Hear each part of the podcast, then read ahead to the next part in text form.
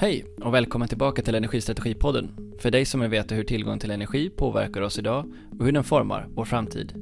Jag, som delar din resa i jakt på svar inom energiområdet, heter Niklas Sigholm. Vem ska överblicka förändringen av energimarknaden som leder till en sammanblandning av flera tekniska såväl som politiska sakområden? Allt fler affärer påverkas av genomgripande skiften i affärslogik. Idag träffar vi Thomas Kåberger som är en berest debattör och påverkanskraft inom energiområdet, inte bara i Sverige utan även internationellt. Hur kommer de övergripande och internationella marknadskrafterna att påverka energisystemet enligt hans utblick? Hur bör Sverige tänka i den kontexten? Thomas sitter bland annat i Klimatpolitiska rådet, i Vattenfalls styrelse och i flera forum som rör energibranschens utveckling. Genom hans erfarenheter blickar vi bakåt för att förstå var vi är idag och vilka slutsatser det borde leda till när vi blickar framåt. Kul att ha er tillbaka. Gud vad roligt att ha med dig i Energistrategipodden Thomas. Tackar. Du är ju välkänd i branschen och har ju en eh, väldigt lång resumélista och vi skulle kunna prata om allting från din forskning på, eller din eh, roll på Chalmers till din gamla roll som generaldirektör på Energimyndigheten till att du nu sitter i Klimatpolitiska rådet, att du har affiliationer med Japan. Ja, du jobbar ju brett, men av alla de här erfarenheterna, liksom, vad, vad, vad skulle du säga, vad skulle du själv lyfta upp som någonting som har format dig och din roll i energibranschen? Nej, det är väl egentligen så att det som jag har försökt klara av och lyckats delvis med, det är ju att förstå alla olika perspektiv som finns på energibranschen. Genom att jag har jobbat både industriellt och akademiskt och i miljöorganisationer och energibolag så har jag åtminstone lärt mig förstå vad olika människor menar när de säger saker. Och kunnat undvika de konflikter som bara beror på missförstånd. Och det tycker jag har varit eh, väldigt produktivt och hjälpt mig att, att förstå saker eh, lättare eh, än för de flesta andra som bara har ett perspektiv i sig. Mm, jag har hört dig någon gång säga att du agerar bryggan mellan förståelsen för tekniken och affären, om jag minns rätt.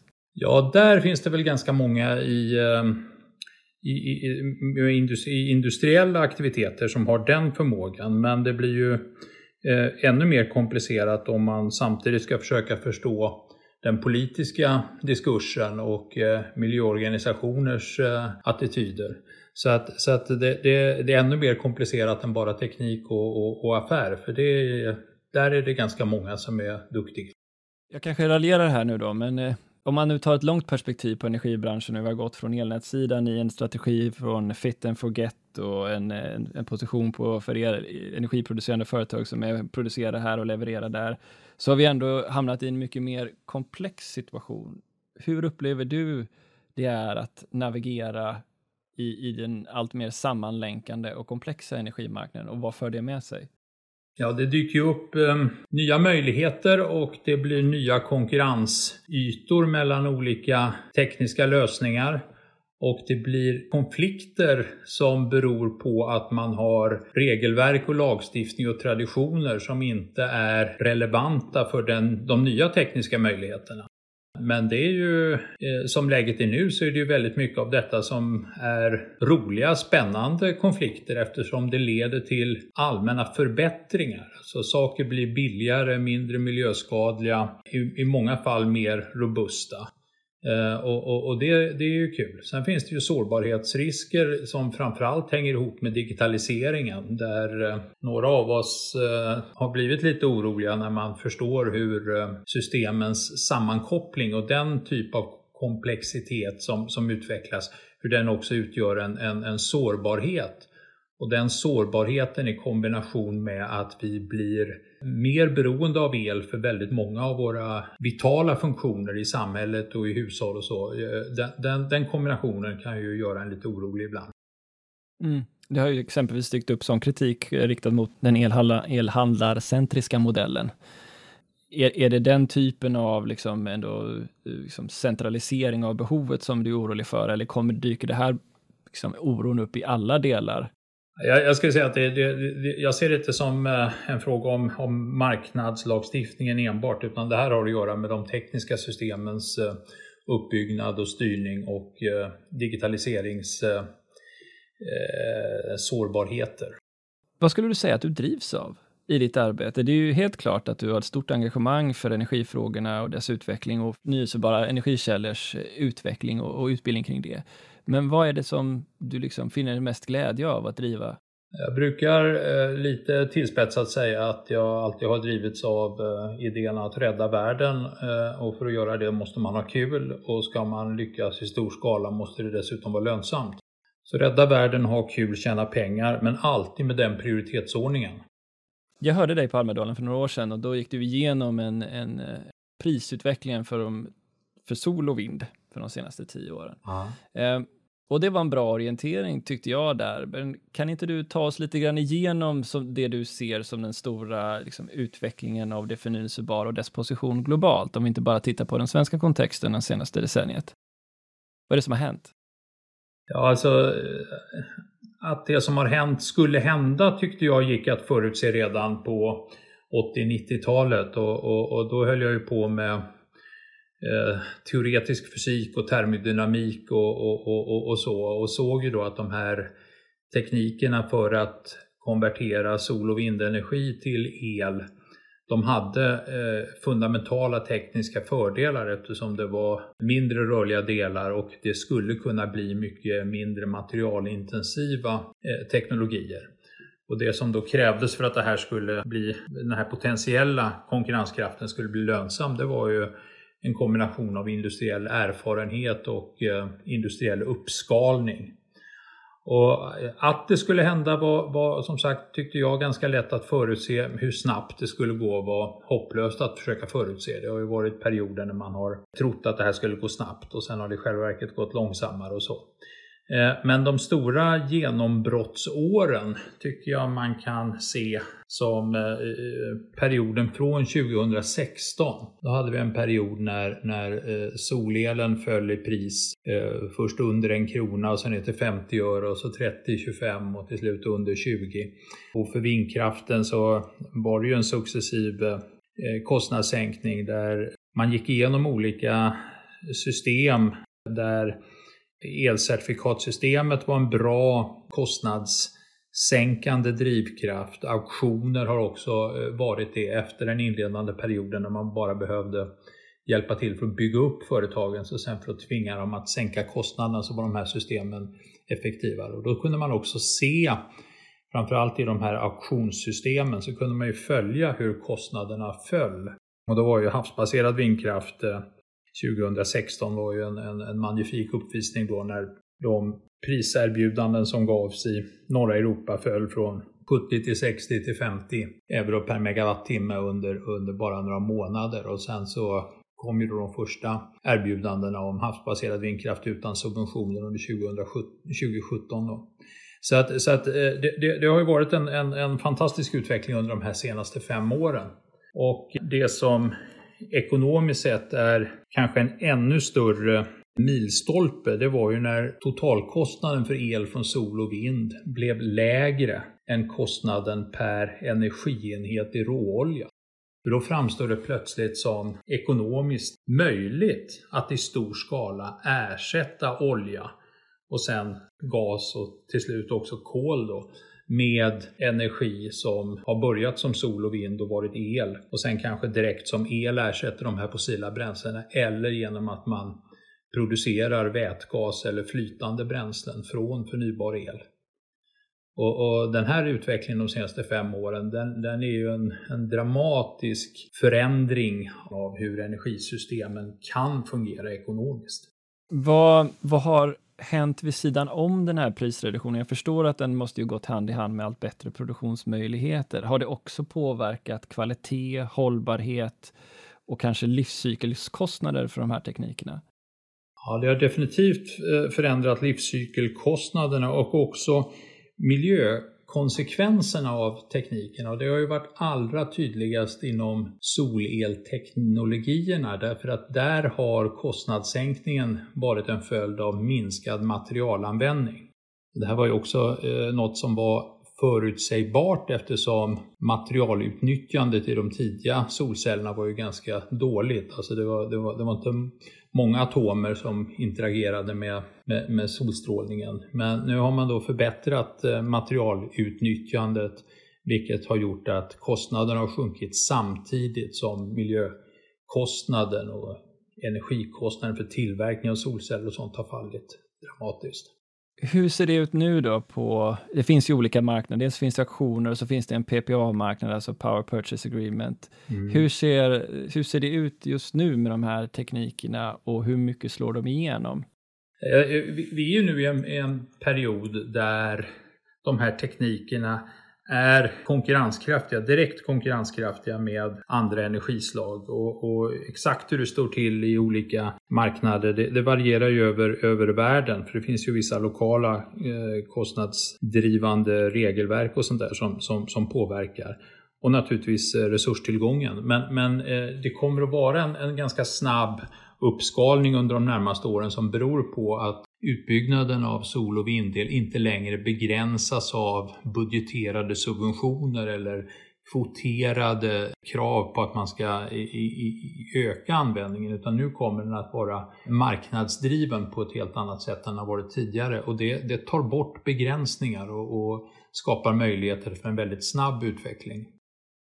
Om man står med en bit distans till energibranschen och kanske inte jobbar mitt i den så, och får se siffror på den förnyelsebara delens procentandel av global energianvändning så kan man ju ändå kanske bli, ibland bli ledsen över att man ser att det ändå är en ganska liten del och att kol, kol och olja fortfarande ökar. Kan du sätta det här i, ett, i en kontext, Eh, alltså i volym, kanske inte i andel för oss? Vad är det som behövs för att det här inte ska bli en hockeyklubba så att säga, utan det ska kunna fortsätta driva på i samma procentuella utvecklingstakt? Alltså det du just sa är ju faktiskt inte nödvändigtvis sant. Va? Alltså den här brytpunkten där förnybar el inte bara tar marknadsandelar utan där den också växer tillräckligt snabbt för att den fossila elproduktionen till exempel inte ska öka. Den har vi ju eh, kanske passerat. Alltså den fossila elproduktionen var större 2018 än 2019. Det var en liten minskning i den fossila elproduktionen men den ägde rum redan före viruspandemin hade, fick sina ekonomiska konsekvenser. Och när man nu tittar på de data som finns tillgängliga för 2020 så framstår det som om det var en, en ganska stor minskning av fossil elproduktion, kanske storleksordningen lite drygt 5% globalt.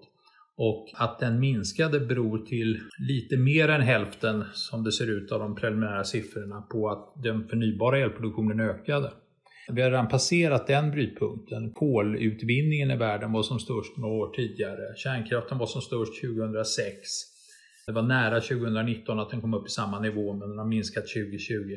Så att jag tror att det, det är till och med så att man nu kan se att de, de traditionella termiska elproduktionssystemen minskar. Så snabbt växer det förnybara. Och eh, vi kommer nog att se en, en fortsatt acceleration. Det kommer, alltså, Hockeyklubbsanalogierna tycker jag är svåra för det, det, finns olika hockeyklubbar och man kan ställa dem på olika vinklar och så. Men, men alltså det, kommer, det kommer att vara en fortsatt snabb ökning av förnybart men det blir ju snarare någon slags eh, S-kurva där man har en period när väldigt mycket av det existerande byts ut och sen så står det förnybara för en, en tillväxt.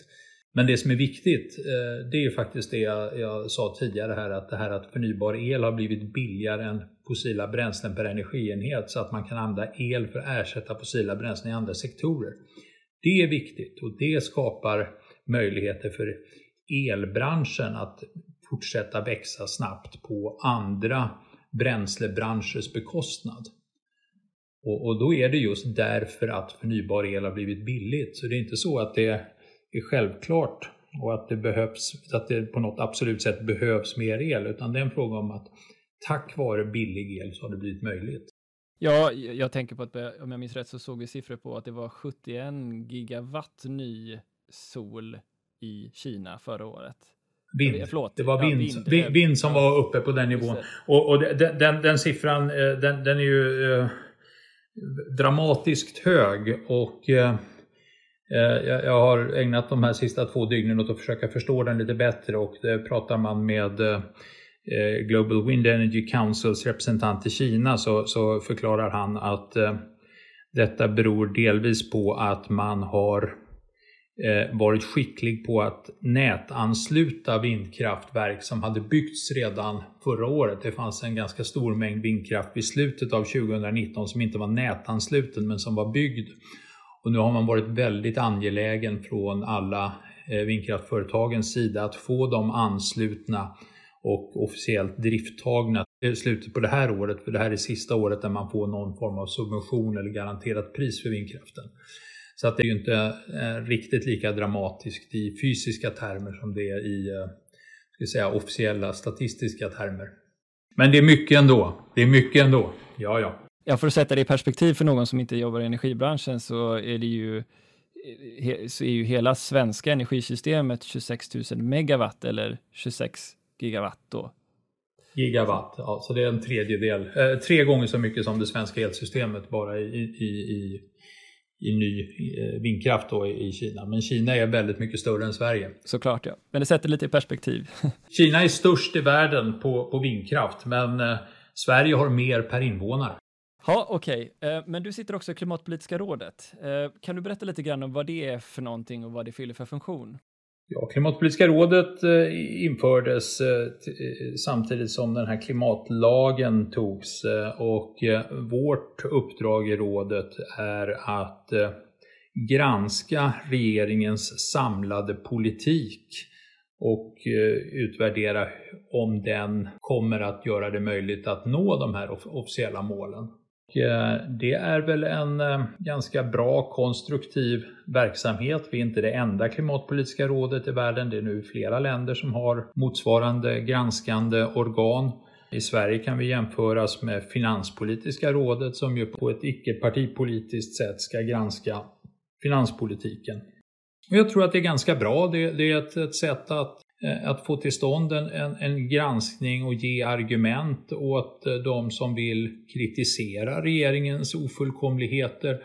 Eh, men det är också ett sätt att få formulerad kritik på ett konstruktivt sätt så att regeringen kan dra nytta av det som rådet säger för att, att förbättra politiken. Och jag tycker att vi har lyckats under de år jag nu har varit med att, att formulera oss just så. Inte kategoriska generella fördömanden eller lovprisande av regeringen utan mer specifik kritik och, och påpekande om vad som skulle behöva utvecklas för att man ska nå målen. Ta oss gärna igenom det då. Vilka centrala områden är det vi behöver ta oss igenom? Det kommer ju så mycket utspel nu för tiden inom energibranschen att det, man fullständigt baxnar. Men vad ja, säger jo. ni? Nej, vi, vi, har ju tagit olika delområden. Vi var på eh, transportsektorn ett år till exempel och påpekade vad, vad som gjordes eh, bra och vad som gjordes mindre bra. Eh, I år har vi tittat en del på hur man har hanterat den ovanliga generositet med statsbudgeten som eh, har eh, ansetts nödvändig på grund av coronapandemin och, och, och de begränsningar det har infört på, på samhället. Och, och det vi ja, jag ska inte föregripa vad vi kommer att komma fram till, men det har i alla fall varit en, ett intressant perspektiv. Vi har också tittat på en del systemfrågor, alltså behovet av att man om regeringen ska klara av att föra en samlad politik som når de här målen så krävs det också samarbete mellan olika departement. Det här är inte bara en fråga för miljödepartementet utan många måste samarbeta. Vi har påpekat att man bör ställa krav på utredningar om olika reformer, att de inte bara ska fundera över de statsfinansiella konsekvenserna av de förslag de lägger utan också de, de eh, konsekvenser förslagen har för, för möjligheten att nå de här klimatmålen. Eh, och det är ju sätt att, så att säga, se till att man inte av misstag eller slarv orsakar steg i fel riktning som sen kommer kosta pengar att nå. Så att vi har försökt vara sådär lite systematiska och det, det är en intressant grupp eftersom det är Eh, forskare med väldigt olika bakgrund från olika discipliner. Och jag har ju försökt bevaka det som är mer energifrågor och energiindustri, energiteknikperspektiv. Eh, jag ska ju nu lämna rådet vid halvårsskiftet och då kommer istället eh, professor Björn Sandén från, från Chalmers att kliva in. Ja, det finns så många intressanta frågor man kan ställa om det här, men så här då, är, är regeringen rätt formerad idag för att klara av att hantera de här överlappande intressen mellan miljö, energi, transport Jag läste att det var eh, att även liksom Per Bolund var i, i diskussionen kring vätgasstrategin. Ja. Så det är så många olika ministrar som ju rimligtvis inte bara kan titta på sitt snitt av den här frågan och komma fram till något rimligt svar. Nej, och jag, jag tror att det är någonting som, som eh, har blivit tydligt för väldigt många företag och organisationer och myndigheter och, och regeringar i världen att, att eh, det här har blivit en, en, som du sa i början, rätt komplex eh, och intressant fråga. Men det som är den stora synvändan, det är ju att det nu inte längre är en miljöpolitisk fråga. Därför att med den tekniska utveckling som vi har haft på energiområdet så är ju en skicklig hantering av eh, nyttjandet av de nya tekniska möjligheterna också en fråga om möjligheterna att ha en framgångsrik industriell utveckling och därmed också en ekonomisk utveckling och en utveckling av samhällelig välfärd. Och den synvändan, den är mer dramatisk än några politiska beslut. Ja, för jag menar, även om du skulle ta SVK, så har ju de i uppgift att, att utreda eh, liksom, eh, behov som anmäls in. Eh, de ja. har ju svårt att förekomma och veta vad som komma skall, utan kan ju egentligen bara förbereda sig på sånt som redan har hänt. Även där finns ju förändringar i tempot och takten i förändringen. Hur, hur, tänk, alltså, hur ska vi tänka kring en sån fråga? Ja, alltså eh, det finns väl anledning att eh, förundras lite grann över SVKs eh, sätt att hantera utvecklingen eftersom SVK har nog haft en intern kultur och en attityd som har varit inriktad på att man ska förvalta ett bestående system. Och den eh, brist på omvärldsanalys som eh, manifesterar sig i dagens otillräckliga överföringskapacitet eh, den, den, den är ett allvarligt problem för, för Sverige idag. Därför att i och med att man inte har förutsett att eh, tillgång på billig förnybar el kommer att leda till ökad efterfrågan på el det har ju ställt till problem nu när man inte har kapacitet att försörja expanderande städer eh, med den effekt som de behöver. Och eh, att man inte har förutsett den utveckling det här innebär i form av eh, investeringar i elproduktionskapacitet har gjort att man också har lite svårt att hantera de regionala överföringstekniska frågorna. Och det beror också delvis på att man inte heller riktigt har följt med i den tekniska utvecklingen kring hur man på kostnadseffektiva sätt kan hantera krav på stabilitet i nätet. Med elkraftsteknik tänker du på då eller? Ja, och det, det är ju liksom frågan om kraftelektronik och batteriteknik och sånt där. Och istället så har man förlitat sig på eh, den här 1800-tals eh, mekaniken med, med att eh, risken att en stor eh, synkrongenerator faller ifrån i ett kärnkraftverk till exempel, den ska man hantera genom att man ska ha en massa andra stora synkrongeneratorer som får stå och snurra. Medan man runt om i världen nu istället investerar mycket pengar i batterier som både hjälper till med frekvensstabilitet och eh, effektstabilitet på kort sikt och samtidigt kan användas ekonomiskt för att hantera eh, efterfrågevariationer. Och, och, där har Svenska kraftnät varit lite, lite eh, ja, man har inte riktigt hängt med i den, den internationella utvecklingen. Sen eh, finns det ju också eh, helt andra frågor som inte kanske framförallt berör Svenska kraftnät men andra elnätsbolag och det har att göra med det du nämnde med den här elhandlarcentriska modellen att eh, vi har ju nu en situation där vi har överföringskapacitetsproblem också i, i andra eh, lågspänningsdelar av elnäten. Och eh, då borde man ju använda prissättning som ett sätt att effektivisera nyttjandet av näten. Och, och, det är någonting som jag faktiskt eh, vet att vi förutsåg när jag satt i Energikommissionen på 1990-talet som släppte lös elmarknaden i konkurrens. Då sa man visserligen att eh, vi hade byggt upp en sån överkapacitet i elnäten att det här inte skulle vara något problem. Men vi lät ju ändå det vara fritt att, eh, för elnätsbolagen att ha den typen av prissättning. Det viktiga eh, som, som, som vi eh, såg det var ju att elnätsbolagen inte utnyttjade sin monopolställning för att ta orimligt mycket betalt totalt sett och göra orimliga vinster. Och vi såg till att man inte fick diskriminera enskilda kunder. Men det finns ju ingenting som hindrar att eh, elnätsbolagen sätter tariffer som ger kunderna en drivkraft att undvika att överbelasta näten.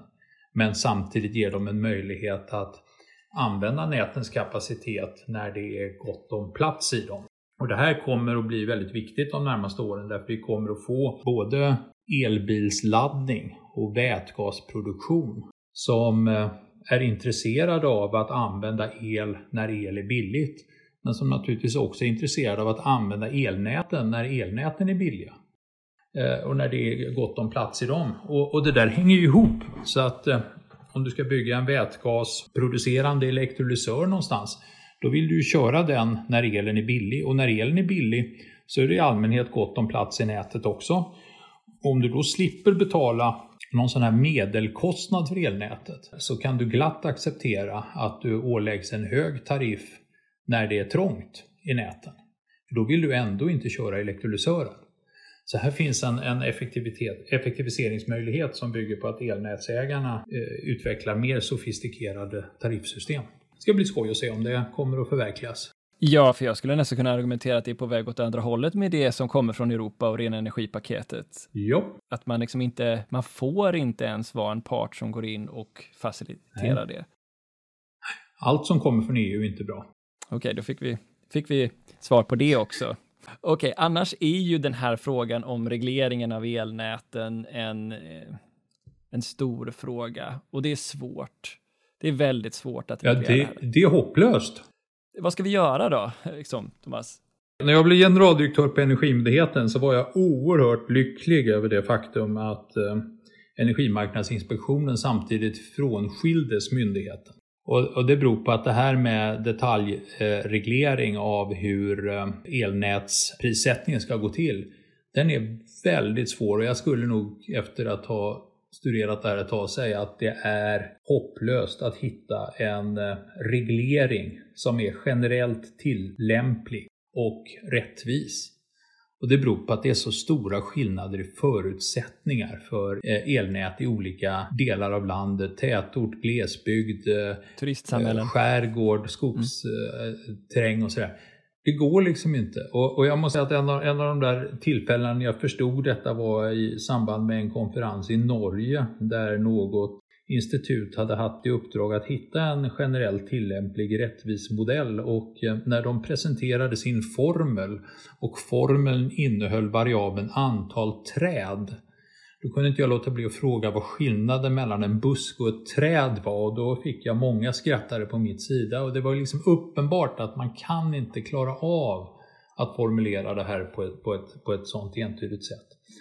Så jag tror att det är viktigt att, eh, att de här elnätsbolagen i så hög grad som möjligt ägs av kunderna så nära kunderna som möjligt. För då får man en, en reglermekanism där att om, om kunderna betalar för mycket så blir de antingen sura och, och, och förklarar det eh, eller också så får de igen pengarna som ägare i alla fall. Och den här typen av eh, balanserande ägarstruktur tror jag är, är det som har en chans att hantera det här. Jag tror inte man kommer kunna reglera vinstmaximerande internationella ägare eh, på ett rättvist sätt. Men det, jag beundrar de som fortfarande försöker. Ja, precis. Det blir som ett inspel inför nästa reglerperiod som ju ändå bär med sig historien av hundratals fall i, i, i domstolar eh, som är svåra att hantera. Och... Ja, man, brukar ju nu, man ändrar ju regelverken innan man har fått prejudikat så att det, det blir en väldigt svår process. Ja. Elnäten har ju, liksom är ju också mitt i stormen kring det här med planerbar kraft kontra variabel kraft. Och där finns också en debatt med flera som räknar på båda sidor om det som kallas för systemeffektiviteten i nätet. Då. Alltså vad är på lång sikt nyttigt för Sverige per skattekrona att investera i? Eh, och det finns fakta hämtat på båda sidor, eh, förståndiga människor på båda sidor som kommer till väldigt olika slutsatser om mängden planerbar kraft i nätet kontra det variabla. Var står du i det här?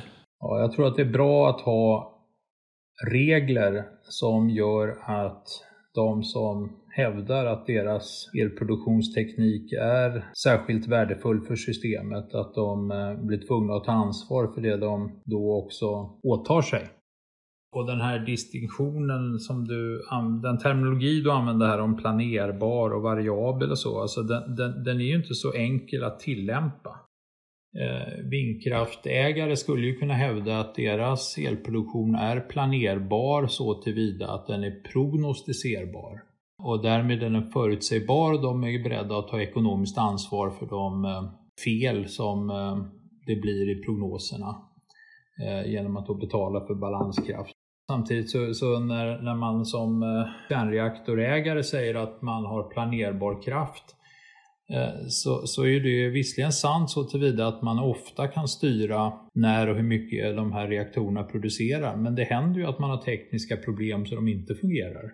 Som i somras? Som i somras ja. Och, och, och, och det var ju eh, för många i branschen lite pinsamt då när man lyckades få extra betalt för att leverera stabilitet och sen istället levererade ett snabbstopp. För de här oförutsägbara snabbstoppen, de är ju riktiga problem för elnätsförvaltaren. Jag kommer ihåg 2007 på hösten så hade Växjö Energi, där jag då jobbade deltid, de hade haft en händelse där ett snabbstopp i Oskarshamn, i den stora reaktorn där, hade lett till en dipp i spänningen på nätet som var så sådan att Växjös kraftvärmeverk snabbstoppade för att eh, nätet inte såg rätt ut. Då konstaterade man att jo, det där gick väl bra under en hyfsat eh, varm dag där nätet inte var så svårt belastat och man kunde betala för den balanskraft som Växjö Energi då fick betala för för att deras verk hade gått ner. Trots att Oskarshamn samtidigt behövde balanseras när det hade stannat oförutsägbart. Men vi räknade ju ut då att om det där hände en kall dag i början på februari, då skulle Växjö Energi kunna gå i konkurs. Då var jag med och formulerade ett brev där till eh, generaldirektörerna på Svenska kraftnät och Energimyndigheten där vi tyckte att det här var väl orimligt för det här leder ju till att vi inte kan åta oss att leverera el när elen behövs som mest. Sen blev jag generaldirektör på Energimyndigheten och eh, brevet låg där men vi, Eh, myndigheten hänvisade elegant till regeringen för detta för det var inte en energimyndighetsfråga. Men, men alltså det är ändå ett, ett principiellt problem att det, det är både en fråga om att man ska kunna tillhandahålla stabilitet men det gäller ju också att man inte skapar instabilitet.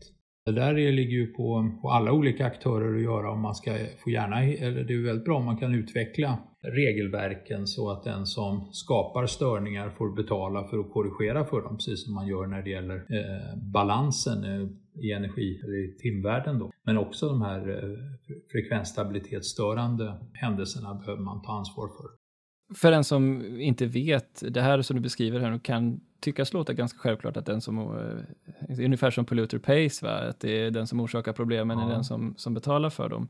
För, förklara kontexten för oss, varför är det inte så idag? Nej, därför att systemet har ju traditionellt eh, fungerat på att ett antal eh, ägare av stora eh, synkrongeneratorer har tyckt att de hjälper varann och så fungerar allt. Jag har haft samma diskussion i Japan där Hokkaido Electric, elbolaget på, på, på den här ön i norra Japan som har väldigt goda vindtillgångar men också har ett ganska nybyggt kärnkraftverk. Där de, de ville inte ha så mycket vindkraft där så då sa, sa de att varje vindkraftverksägare han måste då installera batterier så att eh, eh leveranserna inte ökar eller minskar mer än ett visst antal procent per, per minut. Då. Och det var ju inget jätteproblem för vindkraftverksägarna att installera sådana batterier men eh, det jag påpekade då för Hokkaido Electric det var att det där kommer ju ha stora konsekvenser för det här stora kärnkraftverket om eh, de ska installera så mycket batterier så att de klarar samma maximala eh, effektförlust i samband med ett snabbstopp. Det, det blev ett enormt berg av batterier Och då tittade den där Hokkaido Electric-mannen på mig ganska länge utan att säga något. sånt. men det här gäller bara vindkraft. Så.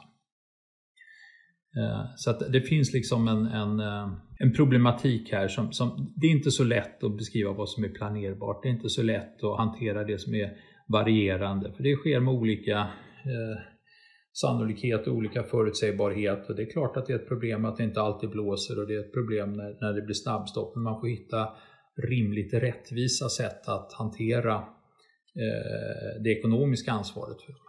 Men om vi tar ett exempel då på balans då, för du har ju rätt i det att det är väldigt svårt att, att prata om vad balans i planerbarhet är och det är också svårt att prata om vad det är det i, i pris och, och vad man erbjuder för typer av tjänster in på marknaden. Och kraftvärmen är ju ett sådant område som nu liksom sliter med sin lönsamhet och det, vi ser få investeringar och stoppade investeringar i den typen av planerbar stadsnära kraft.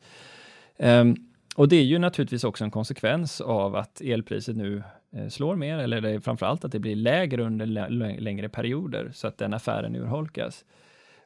Och så har du samtidigt, tror jag, politiker från alla partier som värnar om ordet teknikneutralitet på ett eller annat sätt. Och hur, hur, bör man, eh, hur resonerar ni för att balansera mellan, de här, mellan olika teknikval ur ett sånt här, eh, i ett sånt här exempel?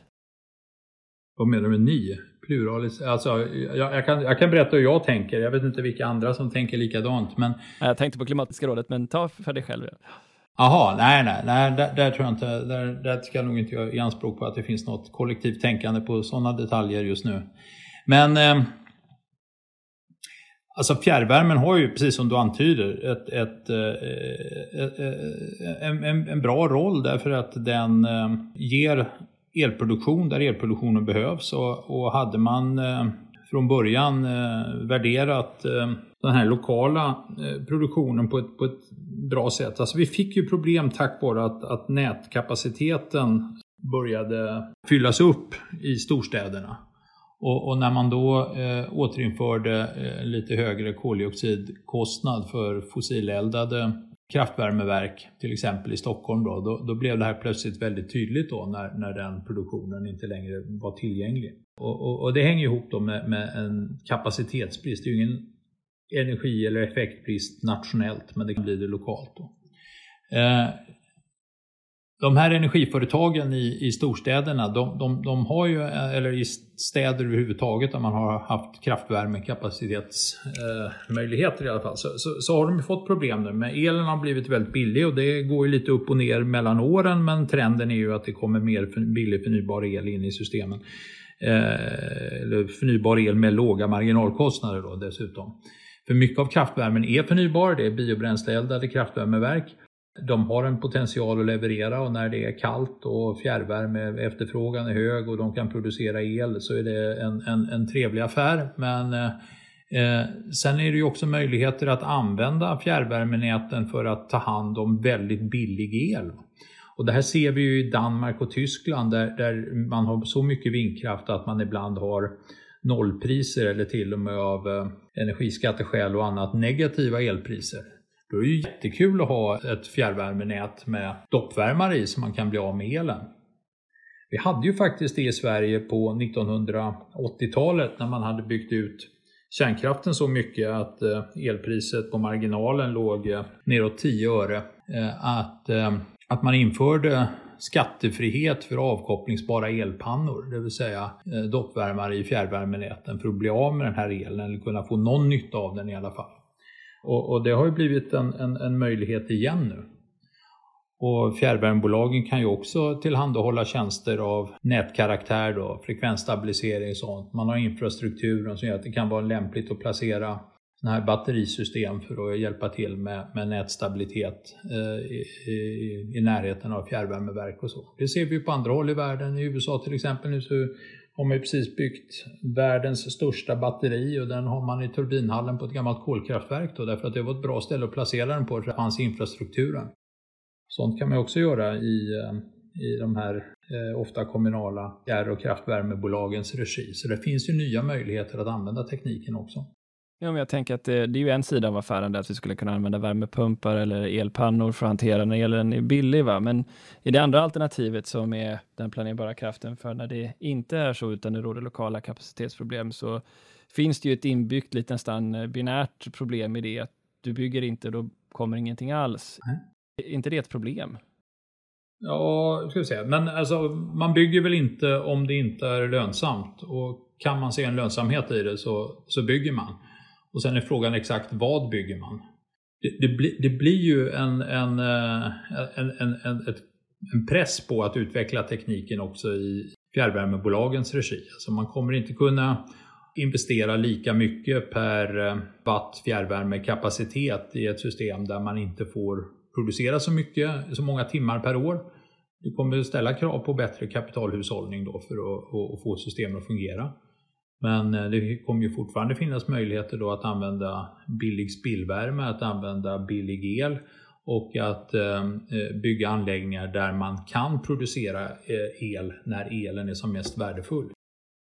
Danmark har ju kommit längre än vi. Jag tror att vi har faktiskt en del att lära av Danmark här när det gäller hur man ska hantera stora andelar vindkraft i relation till fjärrvärmenäten. Men ser du då att det finns en utveckling där, exempel, för det här gäller ju lika väl vattenkraften som i vissa scenarier får alldeles för låga priser för att klara av att upprätthålla investeringarna som det innebär att liksom, nyinvestera och förvalta vattenkraften. Ja. Eh, även så i, i Nordnorge där liksom, man har väldigt stora turbiner. Ehm, är det så då att vi tänker oss att här kommer det komma krafter ändå med vätgasproduktion eller annat som länkar ihop de här energislagen med andra energibärare som eller berätta lite om det, för här finns ju nya infrastrukturer som behöver födas också. Ja, och, och, och, exakt vad det kommer bli är ju svårt att förutsäga. Eh, därför att nu finns det flera olika tekniska alternativ som eh, eh man funderar på och som konkurrerar med varandra. Jag har ju under några år också haft en rådgivarroll i Kina och, och, nu eh, är jag då rådgivare åt en organisation som heter GATECO, Global Energy Interconnections Development and Cooperation Organization, som är eh, ledd av den tidigare chefen för State Grid, världens största kraftbolag.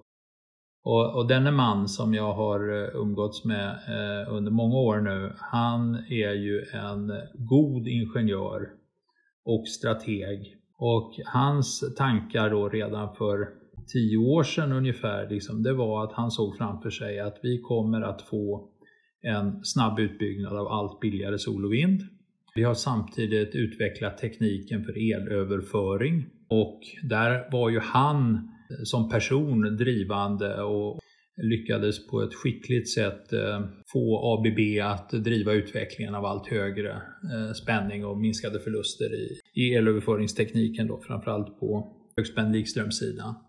Och, när kineserna då gick från en halv megavolt till en megavolt och från några enstaka gigawatt till 10 gigawatt i överföringskapacitet på långa ledningar så gjorde det möjligt då att använda förnybara energiresurser på ett bättre sätt. Och, och, och Chen ser då framför sig alltså att vi kommer få ett, en global utveckling där vi kommer att bygga ut allt mer sol och vind och en del av detta kommer vara lokalt och smart styrning av lokala elnät kommer vara en viktig del. Men det kommer också, det kommer också krävas stor överföring av el från områden med goda resurser till de områden där man har väldigt koncentrerad elkonsumtion där man inte har någon möjlighet att vara lokalt självförsörjande.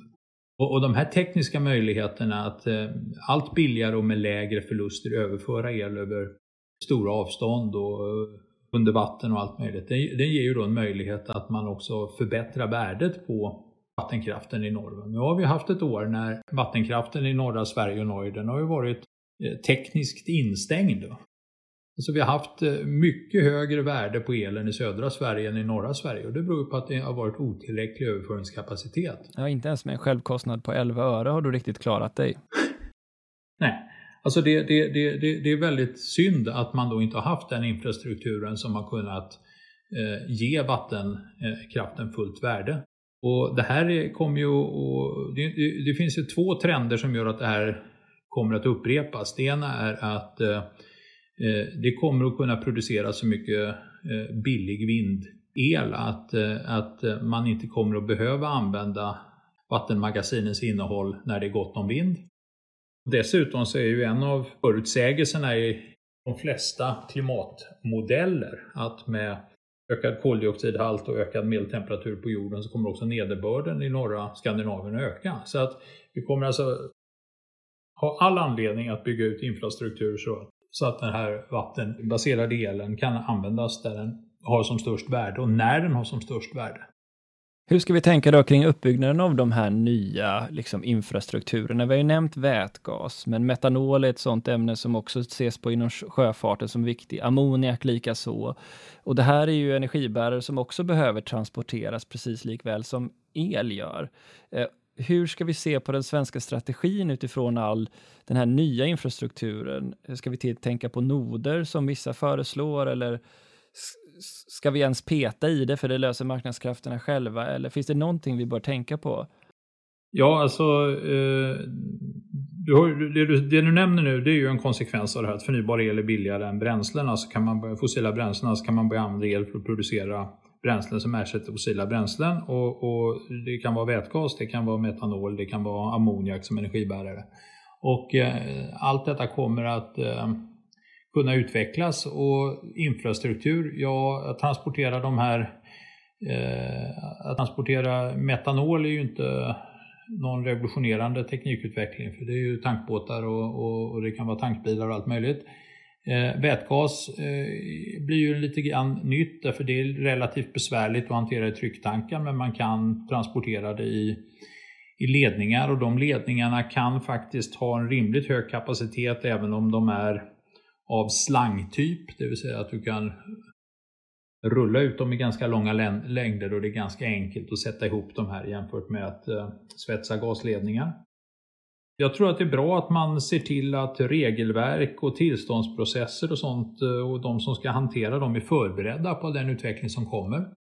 Jag tror inte man ska börja med någon gigantisk plan för nationella vätgasledningar, för det, vi vet inte hur stora de här kommer bli. Däremot går det ju att eh, se att det finns i områden med eh, järn och stålindustri, i områden med raffinaderier och kemi kemiindustri och i malmreduktion så finns det goda möjligheter att använda vätgasen och här kommer det nog att, eh, eh att ske saker regionalt. Finns det fog någonsin att fundera så? Jag tänker nu har liksom havsbaserad vindkraft varit i ropet för den typen av stöd för att utvecklas och det är väl där upplever jag att många politiker står på två sidor kanske. Några som ja. tycker att ja, men i vissa fall är det viktigt för staten att kliva in och facilitera så att vi får en tillväxt och en dominance of design på marknaden medan andra menar att nej, men hands off. Vi vet ingenting om vad framtiden kommer att ge. Det har historien lärt oss. Ja. Har du någon position? Så, så är det ju inte. Alltså, väldigt mycket av, av, av den industriella utvecklingen har ju påverkats, initierats och stötts av, eh, av politiska beslut. Och, och, jag tror att vi har i Sverige en, eh, en, en ovanligt eh, eh negativ inställning till industripolitik som beror på att vi har efter en period i början på 1900-talet där industripolitiken var väldigt framgångsrik så har vi haft en period i slutet på 1900-talet där den inte har varit lika framgångsrik. Och det är väl dels så att den gigantiska kärnkraftssatsningen blev en besvikelse. Och det beror ju på att man mycket blandade ihop militära och civila intressen. Och sen har vi en period på 70-talet när industripolitiken gick ut på att rädda dödsdömda skeppsvarv och textilindustri och sånt. Och det var ju bara eh, förlorade skattepengar. Men eh, det betyder ju inte att, att industripolitik är dålig. Det säger bara att dålig industripolitik är dåligt.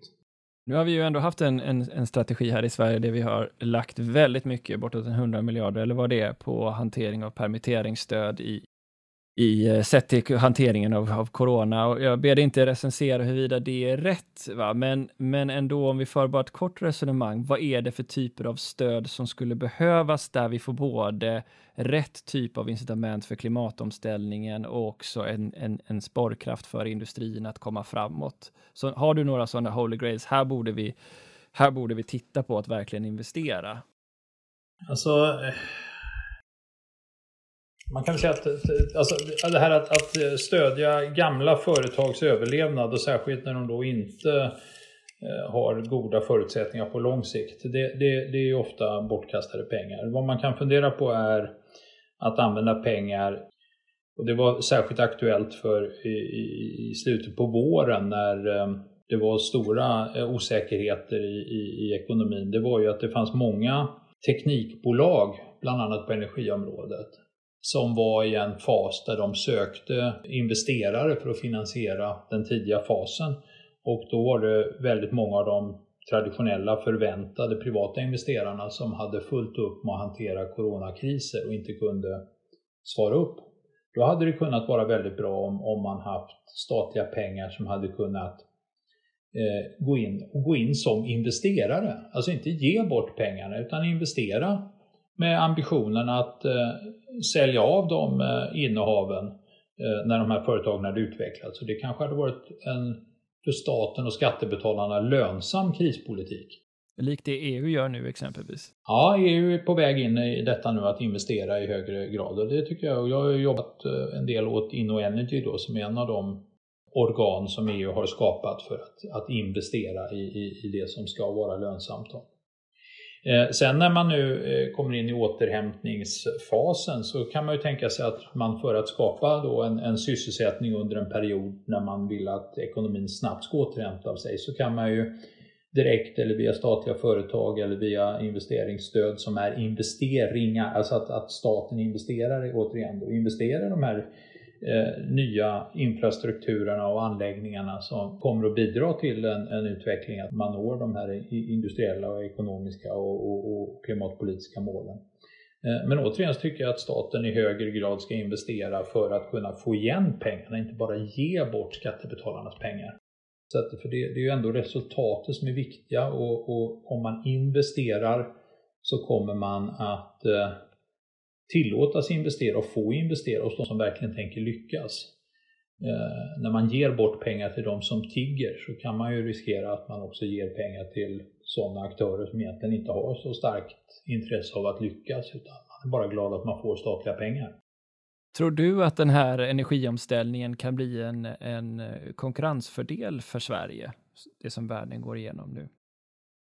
Alltså den, den energiindustriella utvecklingen som nu pågår, den, den går eh, nu efter en period där den har fått politiskt stöd så går den nu eh, vidare av sig själv och att skickligt och snabbt vara med i den utvecklingen kommer definitivt att vara en konkurrensfördel. Det, det är alltså, om vi inte gör det utan vi fortsätter använda dyrare och skadligare energiteknik så, så kommer vi ju inte kunna konkurrera. Nej, det, det är ganska logiskt i och för sig, men mer, finns det, då, det finns ju de som menar att Sverige har en särskilt liksom, eh, bra position för att kunna ta eh, export av nya råvaror, ja. bättre förädling av skogen till... Ja. Vi, vi, har, vi, har ett, vi har ett bra läge, det tycker jag är, är tydligt. Och en av de tydliga processerna där vårt goda utgångsläge eh, har skapat ytterligare eh, framgång det är ju eh, Northvolts batterifabrik i Skellefteå. Att Europa skulle behöva tillverka battericeller, det var det några som insåg. Och att eh, kraven som skulle komma att ställas på de här battericellerna var att de var producerade med bra miljöprestanda. Och då eh, var ju jag och flera andra eh, väldigt engagerade av att den här konkurrensfördelen skulle utnyttjas. Och dessutom så, så insåg vi ju att eh, när batterier och elbilar på allvar börjar konkurrera med fossila drivmedel och den traditionella eh, motorindustrin så skulle ju också eh, mycket uppmärksamhet läggas på att eh, elbilarnas miljöprestanda inte var perfekt. Och då var det viktigt att ha en tillverkning där man hade fossilfri el i tillverkningen och det var viktigt att ha återvinning av batterier så att materialhushållningen var god. Och där har ju Northvolt eh, skickligt hanterat just de utmaningarna. Man sätter igång med återvinning av, av eh, gamla batterier med teknik från, från, från Chalmers. Man tar och, och använder den fina lokaliseringen i Skellefteå där man har möjlighet att få god tillgång till fossilfri el till låg, relativt låg kostnad. Och så har man samtidigt skapat en fantastisk massa arbetstillfällen och en, industriell, en, en, en industri som tidigare inte har funnits i Sverige som kommer att leva länge. Det, det, det föranleder mig en tanke jag haft inför den här podden om att ha ett, ett tittartips som faktiskt eh, eh, en kommentar du har lämnat online påminner mig om och det är den om att se på Tony Siba på Youtube. Ja. Eh, för den har du också sett, du nämnde den någon gång. Ehm, ja. ja, han är väl, han är väl en, den, den stora eh, talespersonen för den här eh, eh, omvälvande förändringen i energibranschen. Och han har hållit på några år och, och, och, och berättat det här och visat eh, dataexempel. Och jag, jag håller väl med honom i, i princip. Så att eh, googla på Tony Seba på, på, på, på Youtube så finns det fina föreläsningar att se där. Är du positiv avslutningsvis kring eh, klimatomställningen och kraven på förändring av marknaderna eh, utifrån de mål vi har? Alltså förutsättningarna har blivit dramatiskt bättre de senaste åren för att vi ska kunna undvika ohanterligt snabba klimatförändringar eller den risk som finns för att vi annars skulle drabbas av det. Och, och nu är det så pass eh, bra att eh, det, det är ju definitivt möjligt att världen klarar av det här. Eh, sen, sen, brukar jag försöka undvika att vara optimist i betydelsen att jag tror att allt kommer att gå bra och jag kan luta mig tillbaka. Jag är inte heller pessimist och lutar mig tillbaka och säger att allt kommer att gå åt helvete utan jag inser att frågan om det går bra eller går åt helvete det beror på hur många personer som försöker se till att det går bra. Men eh, jag tycker en av de stora källorna till eh, förhoppningen att det ska kunna gå bra om vi bara anstränger oss lite grann det är ju utvecklingen i USA som som trots Trump har varit väldigt positiv. Där kolkraftverk har stängts och kolgruvor gått i konkurs även om ägarna har betalat Trumps kampanj och så. Alltså de här fundamentala ekonomiska eh, förutsättningarna, de är nu så pass goda att det, det, det kommer att eh, eh gå om vi bara anstränger oss lite grann. Tack så hemskt mycket för att du var med i podden Thomas. Tack ska du ha.